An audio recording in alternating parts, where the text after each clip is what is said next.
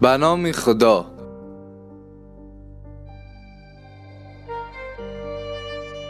داستانهای آموزنده. غافلگیری فریبا. عصر بود. با هم نشسته و چای می نوشیدند. احمد به همسرش فریبا گفت می‌خواهم بعد از چند ماه پدر و مادر و برادران و خواهرانم را فردا شب مهمانی دعوت نمایم. عزیزم از تو می‌خواهم که برایشان خوراک با مزه بپزی.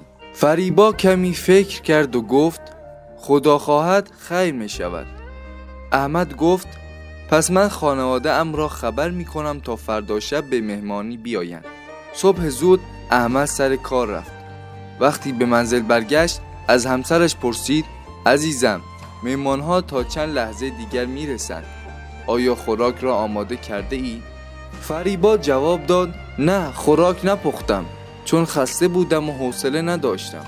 خانواده تو بیگانه نیستند از این رو یک چیزی سبکی آماده کنیم کافی است. احمد گفت خدا کوتاهی تو را ببخشد. چرا دیروز نگفتی تا فکر دیگری کنم؟ حاضر مهمان ها می‌رسند اینک من چه کار کنم؟ فریبا پیشنهاد داد. به آنها زنگ بزن و عذرخواهی کن و بگو که فردا بیایند. آنها که بیگانه نیستند و سخن تو را میپذیرند و ناراحت نمی‌شوند. احمد با ناراحتی از خانه بیرون رفت. بعد چند دقیقه زنگ در به صدا درآمد. وقتی فریبا در را باز کرد باورش نشد. چون پدر و مادر و خواهران و برادران خودش را دید. غافلگیر شده بود و نمی‌دانست چه کار کند. آنها را به خانه دعوت کرد. پدرش از فریبا پرسید داماد کجاست؟ دخترش جواب داد همین حالا از خانه بیرون رفت. پدرش گفت دیروز شوهرت به خانه ما آمده ما را برای مهمانی امشب دعوت کرد. مگر می شود که خودش در خانه نباشد؟ زن حیران و پریشان شد.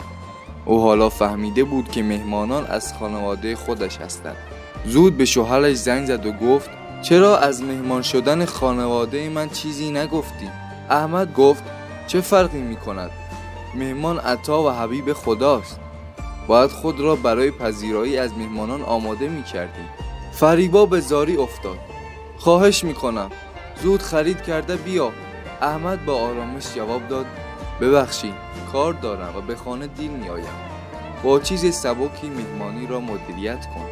تو که می توانی و مهمانان هم بیگانه نیستند آنها از دست تو ناراحت نمی شوند فقط از این به بعد خود را باید برای همه شرایط یکسان آماده کنی تا مشکلی برایت پیش نیاید.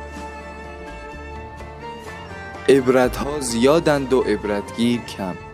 آنچه برای خود میپسندید برای دیگران هم بپسندید.